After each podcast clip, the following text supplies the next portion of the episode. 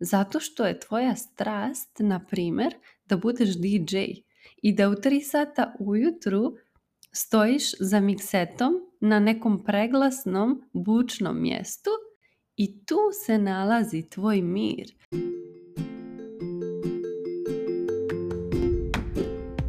Dobrodošla u novu epizodu mog podcasta u kome se bavimo ličnim razvojem i radom na sebi. Ja sam Dragana Potpara i svojim primjerom ti pokazujem kako da izabereš sebe i zaživiš svoj puni potencijal. Svi putevi vode u mir. Zanimljiv naslov današnje epizode. Zašto? Pa zato što zaista jeste tako. Zaista svi putevi vode u mir i zaista je osnova svega mir. Sve u životu što radiš, radiš da bi bila ispunjena i zadovoljna iznutra, a to možeš da budeš jedino ako imaš unutrašnji mir. Kad kažem mir, ja ne mislim ovdje na fizički mir. Zato što ti možeš da meditiraš u nekom tihom, mirnom, zen prostoru, ali da budeš u nemiru u isto vrijeme. Zato što je tvoja strast, na primjer, da budeš DJ i da u 3 sata ujutru stojiš za miksetom na nekom preglasnom, bučnom mjestu sa gomilom ljudi. I tu se nalazi tvoj mir, zato što je to u skladu sa onim ko si ti i u skladu sa onim koje su tvoje životne vrijednosti. Ovo mi je jako bitno da razumiješ da ne bi miješala fizički mir sa unutrašnjim mirom.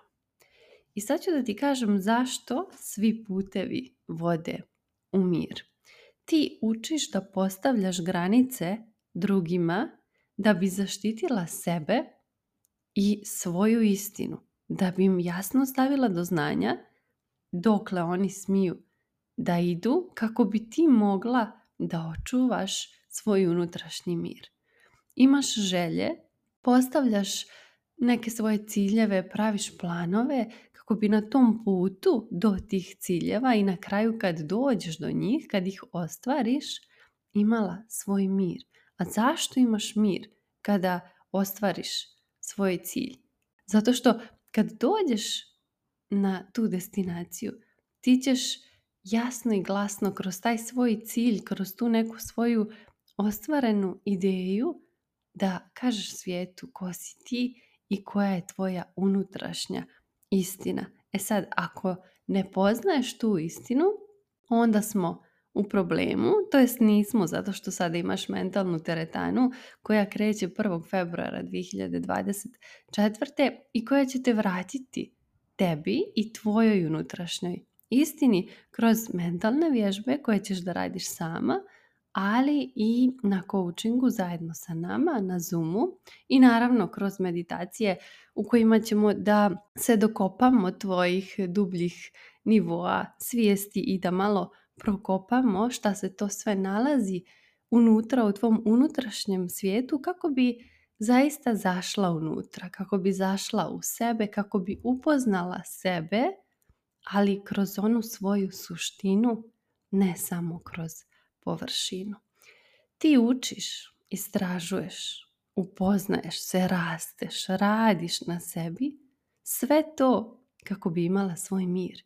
Ili, eventualno kako bi ga pronašla za slučaj da si ga izgubila negdje uz put.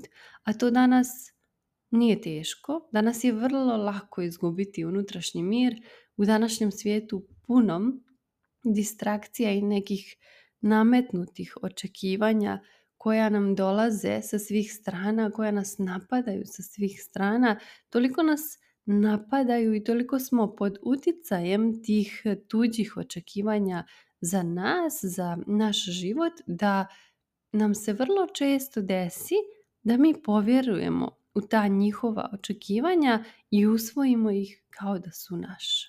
I onda smo u problemu. Jer onda i kada budemo na putu kao ostvarenju nekog našeg cilja i kada na kraju ostvarimo taj cilj, opet nećemo osjećati onu ispunjenost i ono zadovoljstvo, nećemo imati unutrašnji mir. Jer taj unutrašnji mir proizilazi samo iz toga kada smo na našem pravom putu, do našeg pravog cilja. Ali ako je taj cilj proizvod ovih nekih nametnutih tuđih očekivanja, čak i kada ga ostvarimo, bit ćemo prazni. I zato je toliko važno da dobro poznaješ sebe, a šta to znači? To znači da dobro upoznaš koje su tvoje životne vrijednosti i koji su tvoji ciljevi kako bi mogla da putuješ svojim putem do njih i kako bi na kraju kada dođeš do tih ciljeva za koje si naporno radila i trudila se kako bi imala taj osjećaj zadovoljstva i taj unutrašnji mir zato što znaš da si živjela u skladu sa sobom i u skladu sa svojom istinom. Ti radiš svoj posao kako bi imala sigurnost i mir da ne razmišljaš kako ćeš platiti račune naredni mjesec. Pa čak i ako ti ne voliš taj posao koji trenutno radiš, čak i ako ne uživaš u njemu, ipak ti taj posao i ta novčana nadoknada koju dobijaš za svoj uloženi rad i vrijeme, ipak ti pruža određeni mir.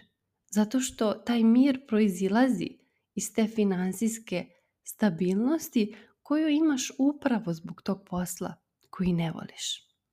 Svađaš se da bi odbranila svoj mir. Iako to naravno nije pravi način, ali ga nažalost mnogi koriste kao jedini način.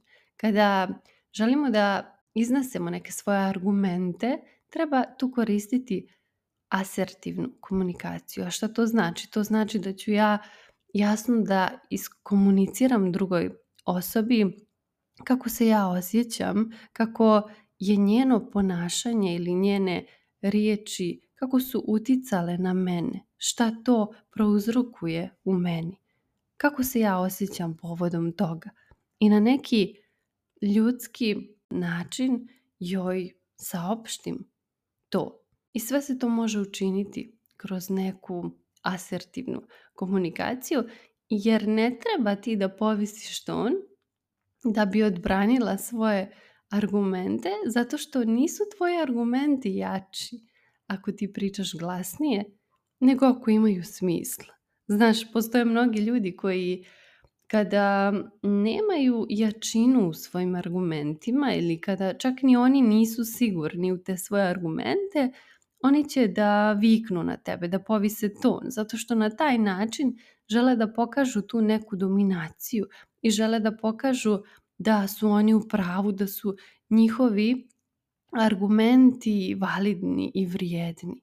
Ali to naravno nije pravi način. Ti ako radiš na sebi, svjesna si da ne znači to ako povisiš ton da si ti sad tu nešto nadmoćnija. Ne, upravo suprotno. To znači da si slabija, da nemaš čvrstinu svojih argumenata, pa pokušavaš taj nedostatak svojih vrijednih argumenata da nadoknadiš povišenim tonom i to svakako nije pravi način.